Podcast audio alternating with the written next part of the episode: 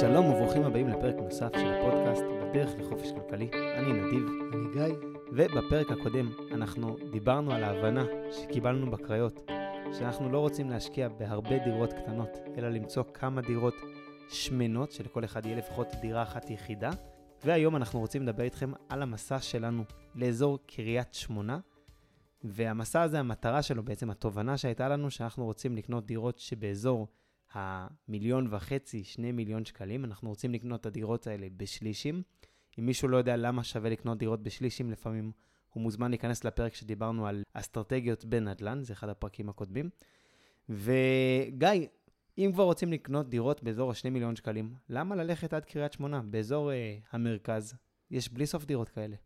נכון, יש באזור המרכז דירות יקרות, ואמרנו שאנחנו רוצים לשים הרבה כסף שיהנה מההטבות של דירה יחידה, או ייהנה מההטבות של שלישים, שזה דומה לדירה יחידה, אבל, אה, אבל חלק מהעניין זה שגם רצינו תשואת שכירות שהיא גבוהה. כלומר, רצינו לקבל שכירות שהיא, שהיא יפה, שתכסה את המשכנתאות אה, באופן כללי, לאנשים שהם צעירים יחסית, או בשלבים יחסית אה, מוקדמים בחיים. זה הרבה פעמים יוצר תזרים שהוא הרבה יותר נוח, ו... לא מצאנו דירות באזור המרכז, לא חיפשנו גם, כי ידענו שאין כל כך דירות באזור המרכז, שהן דירות יקרות שמניבות שכירות שהיא גבוהה, למעט דירות שמחולקות באופן שהוא לא חוקי, ובפריפריה כן השכירות היא שכירות שהיא גבוהה, ו- ולכן באמת הלכנו לחפש את, ה- את הנכסים בפריפריה שהם יקרים יותר, והנכסים האלה הם בדרך כלל בתי קרקע, בתים פרטיים, שלפעמים הם מחולקים, לפעמים לא מחולקים, אבל בפריפריה כן יש בתי קרקע שיש בהם יחידות דיור בצורה חוקית בחלק מהמקומות, וחלק מהמקומות האלה זה באמת קריית שמונה, וג, וגם מטולה. ושם אפשר באמת למצוא בתים עם תשואה שהיא גבוהה, באמת הרבה פעמים בגלל שלבתים האלה הם כל כך גדולים, שיש להם גם יחידות דיור נוספות, מה שמעלה את התשואה על אותם נכסים. וגיא, הדבר הראשון שעשינו שהגענו לקריית שמונה, זה לחפש משרד תיווך. באמת, אני זוכר שנסענו עם האוטו, הגענו לאיזה מקום חניה, פתחתי גוגל מפס, כתבתי מתווך קריית שמונה, והתקשרתי למתווך הראשון ש... שמצאתי, שבמקרה היינו ליד המשרד שלו, ונכנסנו ודפקנו אצלו על הדלת. למה זה מה שעשינו? כן, באמת עם הזמן והניסיון הבנו שמתווכים הם נכס מאוד מאוד חשוב כשאנחנו רוצים להכיר עיר להשקעה. הם מכירים גם את מחירי הנדל"ן, מכירים את העסקאות, מכירים את השכונות, מכירים את המגמות, מכירים את הדמוגרפיה, מכירים מה אנשים אוהבים ומחפשים, ומתווך זה מקור ידע באמת בלתי נלאה. אמרנו בוא נתחיל מלהכיר את העיר, מתווכים, בסך הכל הם, אה, הם אנשים מאוד חברותיים, הם אוהבים לדבר עם אנשים, אוהבים לדבר עם משקיעים, ו, וזה יכול לתת לנו איזשהו, איזשהו סדר, איזושהי הבנה. הופתענו אגב לגלות ש, שאין בקריית שמונה כל כך הרבה משרדי תיווך. כלומר, היה בסך הכל אה, כמה, שניים או שלושה? לא, לדעתי סך הכל בכל האזור הזה יש אולי ארבעה, חמישה. אה, זה מאוד שונה, כי גם היו הרבה פחות נכסים למכירה, כי זה מן הסתם, זה לא בת ים או תל אביב שיש אלפים ועשרות אלפים של דירות. מדובר בסך הכל באזור הרבה יותר מצומצם. כן, בפריפריה הנכסים הם, אה, יש להם קצב אחר. הנכסים זזים הרבה יותר לאט. אם בתל אביב אתה מעלה דירה למכירה ולרוב תוך חודש, חודש וחצי היא כבר אה, נעלמת מהמדפים ונמחקת מהיד שתיים, בפריפריה דירות יכולות לשבת חצי שנה, שמונה שנה חודשים, בכיף, שנה. בכיף. נכון, אז באמת מצאנו את עצמנו במשרד של איזשהו אה, מתווך, והוא נתן לנו הרים של מידע על קריית שמונה, על היישובים מסביב, ממש עזר לנו לבנות את התשתית של חקר השוק שלנו. ובאופן כללי אני ממליץ לכל מי שמגיע לעשות חקר שוק, להתחיל במשרדי תיווך. בפרק הקודם לא יצא לנו לדבר על זה, אבל גם באזור הקריות ישבנו הרבה במשרדים שמתווכים, בשביל להבין מה ההבדל בין קריית מוצקין לקריית ביאליק, לקריית ים, לקריית חיים, קריית חיים מזרחית. זה משהו שהוא נותן הרבה מאוד ערך ושווה מאוד מאוד להשתמש בו. זה ידע מקצועי הכי טוב שיש, והוא בחינם לחלוטין, מתוך מחשבה שאם תקנו דירה, אז המתווך יקבל את העמלה שלו. ממש שווה להשתמש בידע הזה. ואני רוצה דווקא להתחיל באיזשהו משהו שבכלל לא תכננו לחפש שם בקריית שמונה, אנחנו באנו לחפש בתים שמנים, אבל איכשהו איזשהו מתווך אמר, תשמעו, אני רוצה להראות לכם קרקע בהרחבה של קיבוץ הגושרים, ואמרנו, יאללה, אנחנו פה עם אוטו, אין, אין שום בעיה, בואו נלך, נראה את קיבוץ הגושרים, נקפוץ לנחל, יהיה לנו יום כיף. ובאמת נסענו, קבענו אותו בקיבוץ הגושרים, הוא הביא אותנו להרחבה. באותו זמן ההרחבה זה הכל מגרשים. יש אולי בית אחד או שניים שאתה רואה שהם בונים או סיימו לבנות, אבל הרוב זה פשוט uh, מגרשים פנויים. כל המגרשים האלה כמובן אחרי אישור והכל, רק צריך uh, להוציא היתר בנייה. והמגרשים האלה נעים במחירים של בין 600-700 ל-900 אלף שקל למגרש, אפשר לבנות עליהם בית של אזור ה-200-250 מטר, בערך 50 אחוז זכויות בנייה על המגרש. גיא, מה הדברים שלמדנו מתוך, ה, מתוך ה, פתאום המחשבה הזאת של לקנות קרקע? כן. אני חושב שקודם כל הסיבה שהלכנו בכלל לראות זה, זה סקרנות, נטו סקרנות, של אה, משהו שאנחנו לא, לא הכרנו עדיין.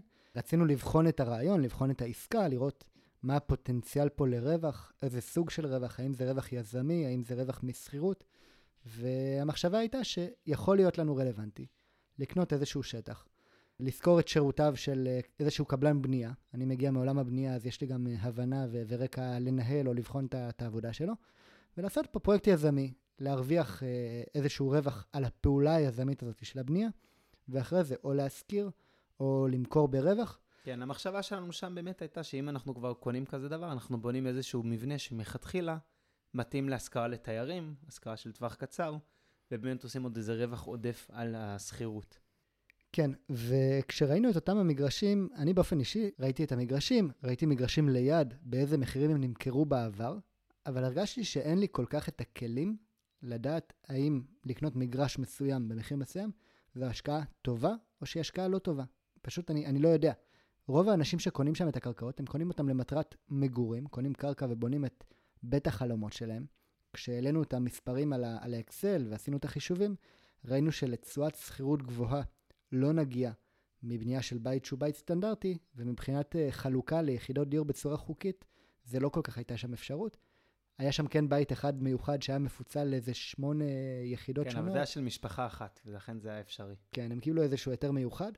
אבל באמת, הפוטנציאל היחיד שראינו פה זה לעשות את אותו הרווח היזמי, וכשבאמת ירדנו למספרים, ולא רצינו להיות יותר מדי אופטימיים לגבי עליית ערך של קרקע, שאנחנו לא מבינים מאיפה היא בהכרח תגיע, אז אמרנו, כן, אפשר לעשות פה רווח יזמי, אבל כדי לעשות את הרווח היזמי הזה, אני אצטרך להוריד הילוך בעסק שלי של עבודות הצביעה באזור המרכז. אז כן, אז אני עושה את הרווח היזמי פה, אבל אני מפסיד את ההכנסה, זה התעסקות, זה נסיעות. לא ראיתי פה איזשהו פוטנציאל שהוא מובהק לרווח, או כן. לאסימטריה, לאסימטריה משמעותית בין הרווח לבין הסיכון. כן, אני מסכים איתך. אני חושב שבאמת בעיניי היו שתי סיבות למה אני לא רציתי ללכת על העסקה הזאת. סיבה ראשונה באמת קשורה לתשואת שכירות, שרצינו לעשות תשואת שכירות שהיא יותר גבוהה, בזכות איזושהי בנייה של יחידות דיור שם וכולי, משהו שהבנו מאוד מהר שהתב"ע לא תאפשר והקיבוץ לא יאפשר ש... שייבנה שם. ודבר נוסף זה שהסתכלנו באמת על מחירי הקרקעות ואמרנו, וואו, יש פה איזושהי בועה. המחירים עלו בצורה מאוד מאוד דרמטית. הקרקעות האלה שלפני uh, שנה, שנה קודם לכן, היו נמכרות ב-300,000, 200,000, 400,000, פתאום מבקשים עליהם 800,000 שקל. אמרנו, מה זה, מה זה השטויות האלה? מה, מה עליית מחירים הזאת? מי אמר שהמקום הזה יצליח? בדיעבד, לכאורה, על הנייר, מאוד טעינו. הקרקעות האלה היו משווקות במחיר כפול תוך שנתיים ממה שניסו לשווק לנו. בסוף הקורונה גם דחפה הרבה מאוד אנשים, כולנו מכירים את זה, לעבוד מרחוק, לגור יותר רחוק, אנשים רצו בתים צמודי קרקע, בצפון, במקומות יפים, ליד הנחל. זה דברים שכן, ידענו שהם סבירים שהם יקרו, הבנו את הפוטנציאל של בתים צמודי קרקע. מצד שני, לא ידענו לתמחר אותו פנימה, והיה משהו שהוא מאוד ספקולטיבי בעסקה הזאת.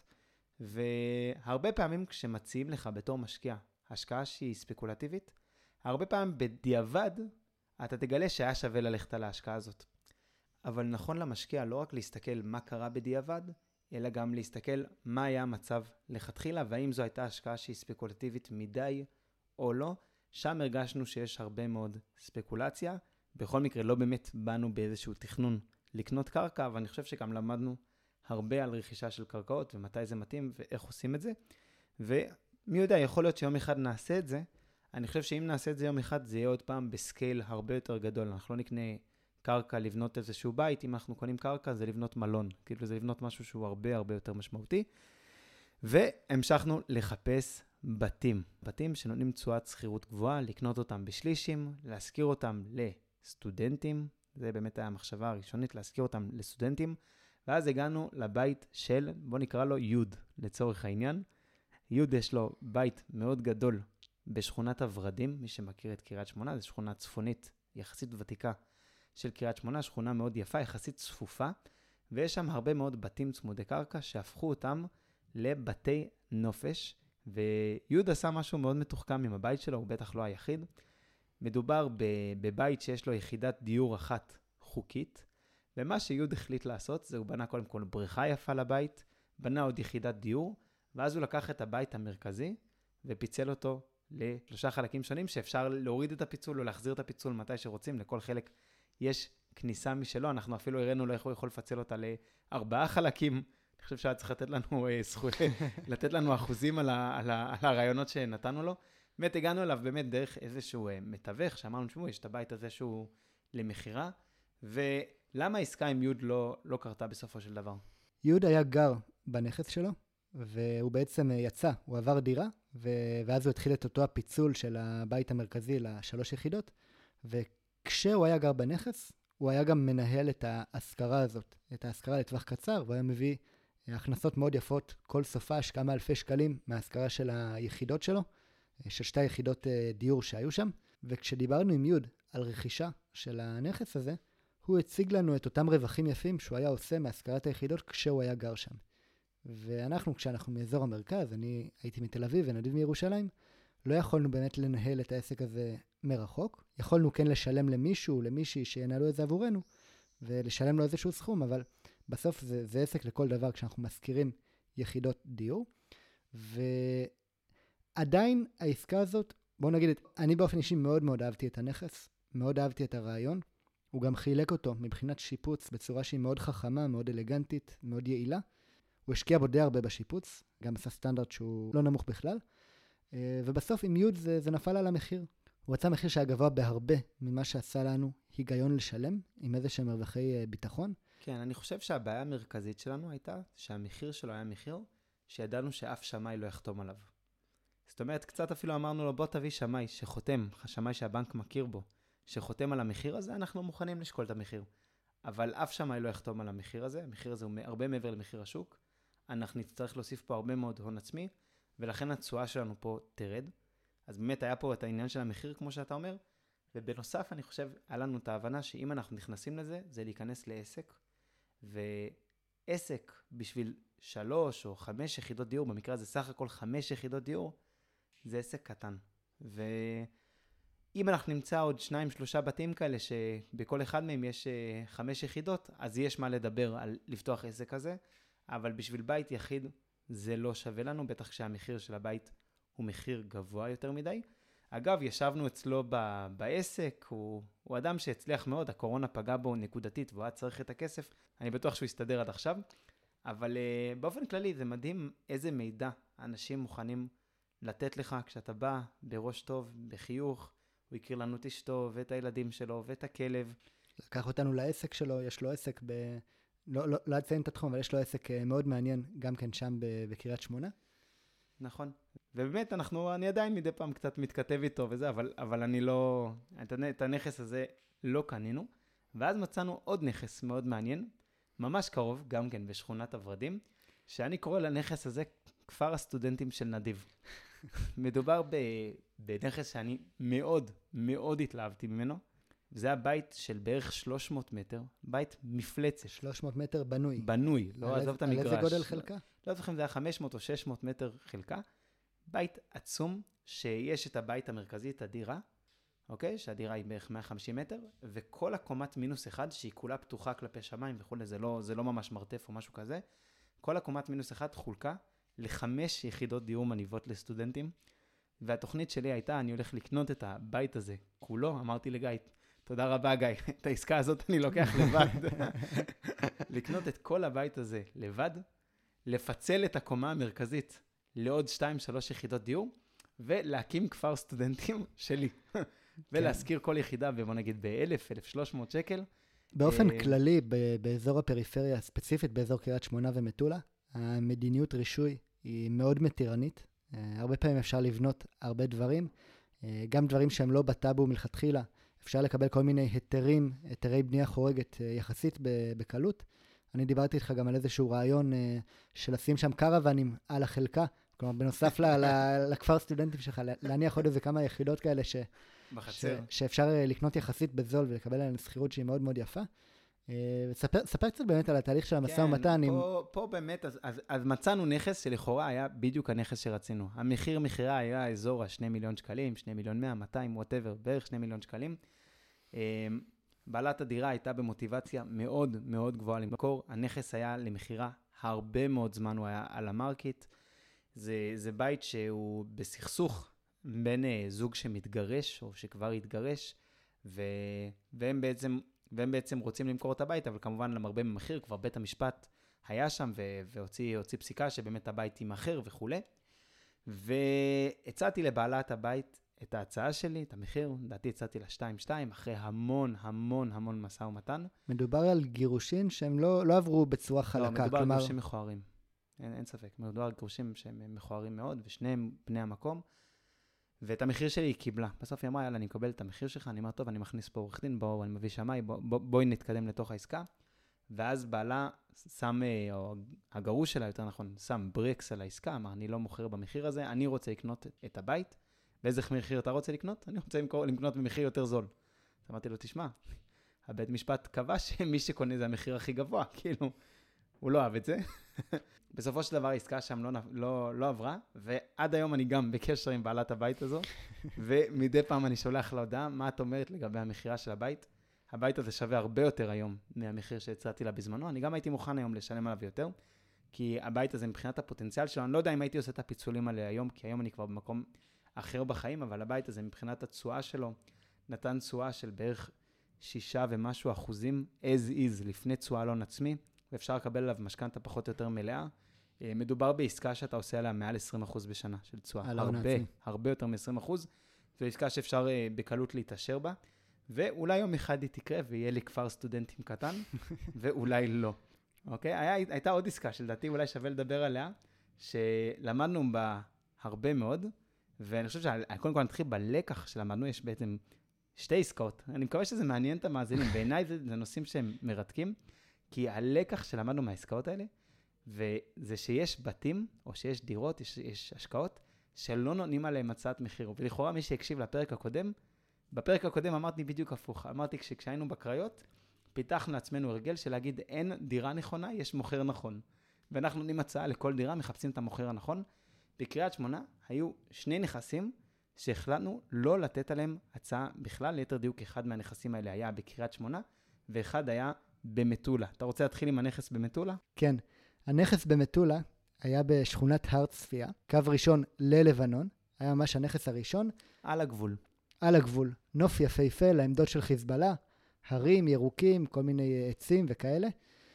כשנכנסנו לראות את הנכס, אני אגיד בכנות, אני פחדתי. עמדתי בתוך הנכס. אנחנו נכנסנו ויטרינה... דרך החצר האחורית, נכון? ויש שלב שאתה עולה לסלון דרך מדרגות, והגב שלך זה ללבנון. ואתה מרגיש כאילו יש איזו מטרה על, על הגב שלך תוך כדי שאתה הולך. אני אומר לכם בכנות, אני, אני, אני, אני, אני גדלתי בעוטף עזה, אני הסתובבתי שם, אני פחדתי. פחות מפחידים אותי הקסאמים, יותר הפחיד אותי איזשהו צלף שיירה בי, כשאני נמצא שם בחצר. מרחק אפס, מרחק אפס. כן, ממש, אנחנו מטר מטר מהגבול. אה, ויטרינה ענקית בסלון ש, שצופה על, ה, על ההרים בעצם בלבנון. נכס מאוד יפה, מחיר אטרקטיבי. סביר, כן, הייתי מחיר זול. היה מיליון שש שם. המחיר שהיה נחשב סביר. היה מחיר זול ביחס לנכסים דומים. אה, מן הסתם שהמחיר היה זול, חלק מזה אני חושב שנובע מהמיקום שלו.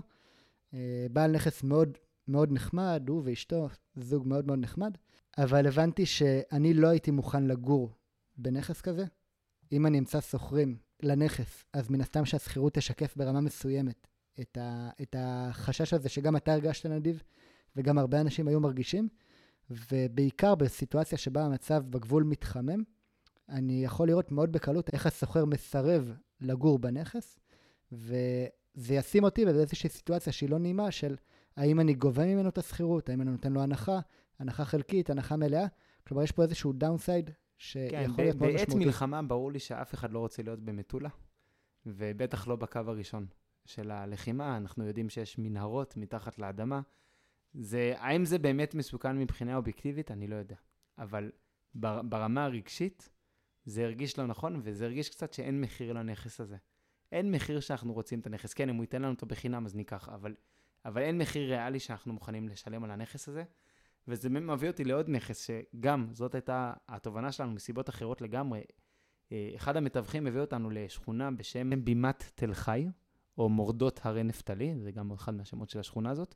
מדובר בשכונה חדשה של בתי ענק, צמודי קרקע, שצופים אל הנוף של, של עמק החולה והחרמון וכולי. באמת אה, נוף שהוא יפהפה, בתים חדשים לגמרי, שכונה מהניילונים, שכונה שממש נבנתה בשנים האחרונות, עם אה, צפי לאוכלוסייה חזקה של קריית שמונה שתעבור לגור שם. באמת הציעו לנו שם בית למכירה. זה היה בית עצום עם בריכה, שלוש או ארבע קומות של בית. היה לו כמובן יחידת דיור ועוד איזה מחסן ואיזה מערה שהייתה לבית. זה היה בית מטורף. אתה זוכר את הבית הזה? המערה, כן. בית מטורף, אתה נכנס לבית ואתה עולה במדרגות ואתה מגיע לסלון המטבח כמו מגרש כדורגל. את הסלון לא... היה אפשר לחלק לארבע יחידות דיור. משהו, משהו באמת שאתה אומר, מי עשה את זה ככה? כאילו, מלבן ענק, כאילו שאין בו כלום, באמת, מבחינת אה, סגנון ממש לא הסגנון שלי, וזה יוצא על מרפסת ענקית שהיא בחזית של הבית, ואתה יוצא למרפסת ואתה בא לראות את הנוף המפגר הזה, ומה אתה רואה? את הבית מולך, את הגג המשולש של הבית מולך, בול מול הפנים שלך, אתה לא רואה את הנוף בכלל. תחושת באסה, תחושת באסה ממש נוראית. נוראית, אני ממש ריחמתי על בעלי הבית, כי ברור לי שהם קנו את הקרקע ובנו אותה על הנייר, וציפו לכך שבאמת אה, כל הבית בנוי בצורה כזאת שכולו אמור לצפות אל הנוף. הבית לא צופה אל הנוף, ושאלתי את המתווך למה הם אה, מוכרים את הבית, הוא אמר, הם מצאו משהו שיותר מתאים להם, פה, פה, פה, פה. היה, ברור למה הם מוכרים את הבית הזה, כי זה בית חלומות, זה בית שמישהו בנה אותו כבית החלומות, ואז התברר לו שהחלום הזה הוא סיוט, הוא לא, הוא לא באמת חלום. ואמרתי, הבית הזה תמיד ירבוץ עליו הקושי הזה למכור אותו, הקושי להשכיר אותו. אף פעם אי אפשר למקסם אותו, כי תמיד יש את הבית הזה ממולו שמסתיר לו את כל הנוף, שכל הבית הזה בנוי קצת בתזה כזאת של בית צופה נוף על ההר, אה, שצופה לנוף. והמתווך שאל, אתם רוצים לתת פה איזושהי הצעה? בכל מקרה, אמרתי לו, תשמע, אין הצעה שאני יכול להציע, שאני מרגיש שהיא הצעה גם הוגנת כלפי בעל הבית, שאני ארצה את הבית בו. אני לא רוצה את הבית הזה. כן, כשבונים בית חלומות, בדרך כלל מתאימים את הבית באמת לצרכים, כל משפחה לצרכים שלה, והם בנו אותו בצורה עם סלון כזה ענק ועם מעט חדרי שינה יחסית, וגם אם הסתכלנו עליו באיזושהי עין של לעשות לו שיפוץ ולשנות ולהתאים אותו יותר לסוחר שהוא סוחר סטנדרטי, העלויות של השיפוץ פה היו במאות אלפי שקלים לעשות את, ההת... את ההתאמות האלה, ובאמת הם מצאו את עצמם עם נכס שהוא מותאם בדיוק לצרכים שלהם, אבל הוא לא כל כך מתאים לאנשים יותר סטנדרטיים, לבעלים אחרים. כן, אני זוכר שגם חשבנו, אולי ניקח את הבית הזה ונשכיר את כולו כ- כבית לנופש, לאירועים, סופאשים, לא יודע, שבתות חתן, לא יודע, כל, כל מסיבות. ואז אמרנו, אה, ויש פה גם את השכנים וכולי, ראינו שזה לא ילך, וזה לא יכול להתאים לשום תוכנית עסקית שלנו. ו- וזהו, אני לא יודע מה קרה עם הבית הזה גם כן. אז באמת, בפרק הזה קצת שיתפנו אתכם במסע, הרי גם בפרק הקודם, גם בפרק הזה. רגע, אין לנו אתכם... זמן לעוד איזה בית אחד. יש עוד בית שאתה רוצה לשתף? מה עם הבית במטולה? עם החמש יחידות? אוי, וואי, כמעט שכחתי. חבר'ה, בית במטולה, באמת שגם אותו אני מתחרט ש... שלא קנינו. זו באמת אולי החרטה הגדולה ביותר שלי מכל העסקאות שדיברנו עליהן בפרק הזה, בפרק הקודם. העסקאות שראיתי בטורקיה, העסקה שאני הכי מתחרט עליה, אני חושב, זה הבית הזה בהר צפייה. בית נוסף, לא הבית שגיא דיבר עליו עם הצלפים החיזבאלונים, אלא בית שהוא כמה שורות כלפי מעלה, בהר צפייה, קצת יותר רחוק מהגבול. מדובר למעשה על בית שלא שימש למגורים, אלא הוא שימש מראש בתור איזשהו בית נופש. בית מלון קטנצ'יק עם כמה, כמה חדרי נופש. כן, בנוי בצורה חכמה, בצורה אלגנטית, נעים. חדש. נכון, בית חדש לגמרי, בין אולי 10-15 שנה, כולו צופה אל בקעת הלבנון. אתה רואה את הרי הלפנון, את המונפורט, את החרמון, מול העיניים, נוף. מטורף שבחיים לא ייקחו לך. זה נוף שיש לך לנצח. אה, באמת דברים שאין להם, הבית כולו משופץ ברמה חדשה. בית חדש, הוא לא, לא רק שהבית משופץ, הבית כולו חדש. המחיר שבעל הבית ביקש היה מחיר ריאלי, הוא ביקש מיליון תשע. לא, קצת גבוה, אפשר להגיד שאולי המחיר השוק היה מיליון שמונה, באמת, הוא ביקש מחיר. כמה מטר בנוי היה שם? היה שם 320, משהו כזה? בין 250 ל-300 מטר. מדובר בבית שיש לו ארבע יחידות דיור, הכל חוקי, הכל בטאבו, שמאי מגיע ונותן לך את השווי המלא של הנכס, בלי שום שאלות. שווי מלא של הנכס בלי שום שאלות, אתה מקבל 75% של משכנתה אם אתה קונה אותה בתור דירה יחידה. אה, עסקה מדהימה, עסקה מדהימה מבחינת התשואות שכירות שלה, הפוטנציאל שהוא יכול להיות גם לתיירים, גם לסטודנטים. ומה שקרה שם זה שבאמת ראינו שהבית הזה מפורסם ביד 2, וראינו שלבית הזה יש תיווך, והיינו במקרה באזור הזה של מטולה, וזיהיתי את הבית, זיהיתי את הבית, ואמרתי, רגע, יש לי פה הזדמנות, אני זיהיתי בית שהוא למכירה, אין פה תיווך. נכנסתי, נכנסתי הבית, קצת הסתובבתי כאילו בחצר של הבית, אחד הסוחרים ראה אותי, שאלתי אותו, תגיד, אתה יכול לתת לי מי, מי בעל הבית, מה הסיפור פה? והוא סיפר לי רק את ה... הוא לא, הוא לא נתן לי את השם של בעל הבית, אני לא זוכר בדיוק למה, אבל הבית הזה הוא, הבית הזה היה מלונית, ויכולתי לחפש בגוגל באמת את השם של המלונית, ולמצוא מי הבעלים של המלונית, והתקשרתי אליו ישירות.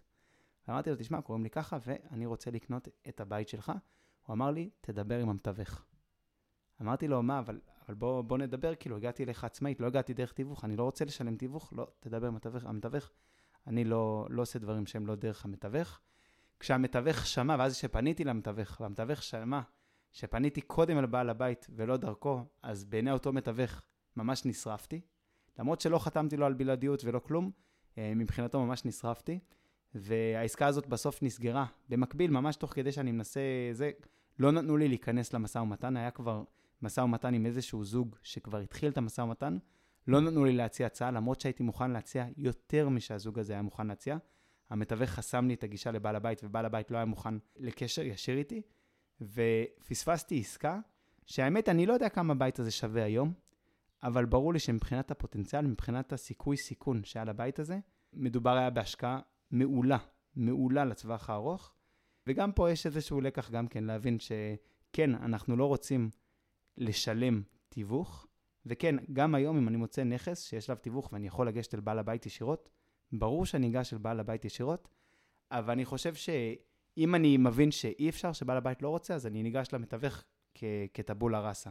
וזה משהו גם כן לחשוב עליו, שלמדתי מאותה, מאותה סיטואציה, ואני כן. ככה מאחל לקונים המאושרים ש... שייהנו מהבית הזה. כן, אני רוצה ל- ל- לדבר פה על איזושהי נקודה שאולי אה, היא, אולי היא הפיל בחדר. אנחנו מדברים פה כבר בשלושה פרקים על המון עסקאות מצוינות שלא עשינו. והמאזינים בבית אולי שואלים, מה, איזה מין יזמים אלה? מדברים איתנו על יזמות, ומדברים איתנו פה על, אני כבר לא יודע כמה עסקאות, והם לא עושים כלום. דיברנו על שוק ההון ועל uh, Airbnb בירושלים, ודיברנו על, uh, על הקריות, ועכשיו אה, קריית שמונה. אז, אז בשוק ההון כן השקענו, אבל באמת, אנחנו תיארנו פה הרבה מאוד עסקאות, ואנחנו בפרקים הבאים גם נדבר, נדבר על העסקאות שכן עשינו, אבל אני חושב שיזם טוב הוא אחד שכל הזמן בוחן עסקאות, והוא אומר המון לא. אני שמעתי את זה מחבר שלך, שהוא יזם מאוד מצליח בנדל"ן בארצות הברית, והוא אמר לנו, הוא אמר לנו, אני הולך על עסקה אחת מאלף. אני שומע אלף עסקאות, אני הולך על אחת. יכול להיות שהוא קצת הגזים, אבל בסוף יש הזדמנויות בלי סוף. ברגע שלומדים לראות את ההזדמנויות, באמת שיש הזדמנויות בלי סוף, והמשאבים שלנו בסוף הם מוגבלים, גם המשאבים של כסף, ובעיקר המשאבים של זמן ואנרגיה, ולא צריך לחכות לקלת החלומות מבחינת עסקה, אבל זה בסדר לראות הרבה עסקאות טובות. את חלקן אנחנו לא נבין עד הסוף, ולכן לא נלך עליהן. חלקן נהיו עם סיכון גבוה מדי, ובסוף זה בסדר להגיד לא להרבה מאוד עסקאות, וכשנופלת העסקה הטובה באמת לידיים שלנו, כשאנחנו מבינים אותה, כשאנחנו מבינים מה אנחנו עושים, אז אפשר להתקדם בראש שקט ובלב שלם. כן, טוב, תקשיב, אתה נותן לי פה להנחתה על סיפור קטן של וורן באפט. אפשר לתת פה סיפור של וורן באפט, למרות שאנחנו כבר בסוף הפרק ואנשים עייפים. יש א'. בוא, בוא, תן לנו איזה סיפור. ככה וורן באפט הרבה פעמים מדמה את הסיפור הזה של השקעות לחובט בבייסבול. נכון? בבייסבול יש, אה, יש לך 3 strikes, יש לך שלוש חבטות שזורקים אליך את הכדור שלוש פעמים, ואם זורקים את הכדור כמו שצריך ולא חבטת, לא הצלחת לפגוע בכדור, אז אתה אאוט, יצאת מה... הפסדת, לא זה, הפסדת נקודות, אני לא יודע בדיוק מה... בייסבול זה קצת רחוק ממני. ו... ובאפט אומר, חבר'ה, השקעות זה לא בייסבול. השקעות, אפשר שיזרקו עליך 20 אלף כדורים, שיזרקו. אתה לא חייב לחוות באף אחת מהן. אתה יכול להישאר במשחק ולראות השקעה אחרי השקעה אחרי השקעה אחרי השקעה, ולהגיד לכולן, לא, אני לא חובט, אני לא משקיע את הכסף שלי בהשקעה הזאת, וכשתגיע ההשקעה הנכונה, שהיא בדיוק מתאימה לך, אתה בדיוק מבין אותה, היא ברמת סיכון הנכונה לך, היא ברמת סיכוי הנכונה לך, היא מתאימה לשאיפות שלך, שם אתה חובט בכל הכוח, ושם אתה עושה את הכסף הגדול. ויזמים טובים באמת באמת בוחנים את העסקאות שלהם בפינצטה, וכל עסקה שאתה בוחן, אתה הופך להיות יותר חכם עם יותר ידע, ואתה מוודא שהעסקה שלך היא עסקה יותר טובה, לאו דווקא שתרוויח על העסקה שלך יותר, אלא שהיחסים של סיכוי וסיכון יהיו הרבה יותר לטובתך מלכתחילה, גם אם בדיעבד התוצאה יכולה להיות מאוד אחרת, וזה משהו שאני חושב שאתה ואני מאוד למדנו אותו, לאורך המסעות האלה של לחפש את ההשקעות הנכונות. ובאמת בפרקים הבאים אנחנו גם נדבר על ההשקעות שכן עשינו בסופו של דבר בעולם הנדל"ן הישראלי. אז תודה שהאזנתם לפרק נוסף של הפודקאסט בדרך לחופש כלכלי. אתם מוזמנים לעקוב אחרינו בדף הפייסבוק, לשאול שאלות, להעיר הערות. אין לראות בנאמר בפודקאסט משום ייעוץ פיננסי. אנחנו בסך הכל משתפים אתכם במסע שלנו בדרך לחופש כלכלי. בהצלחה.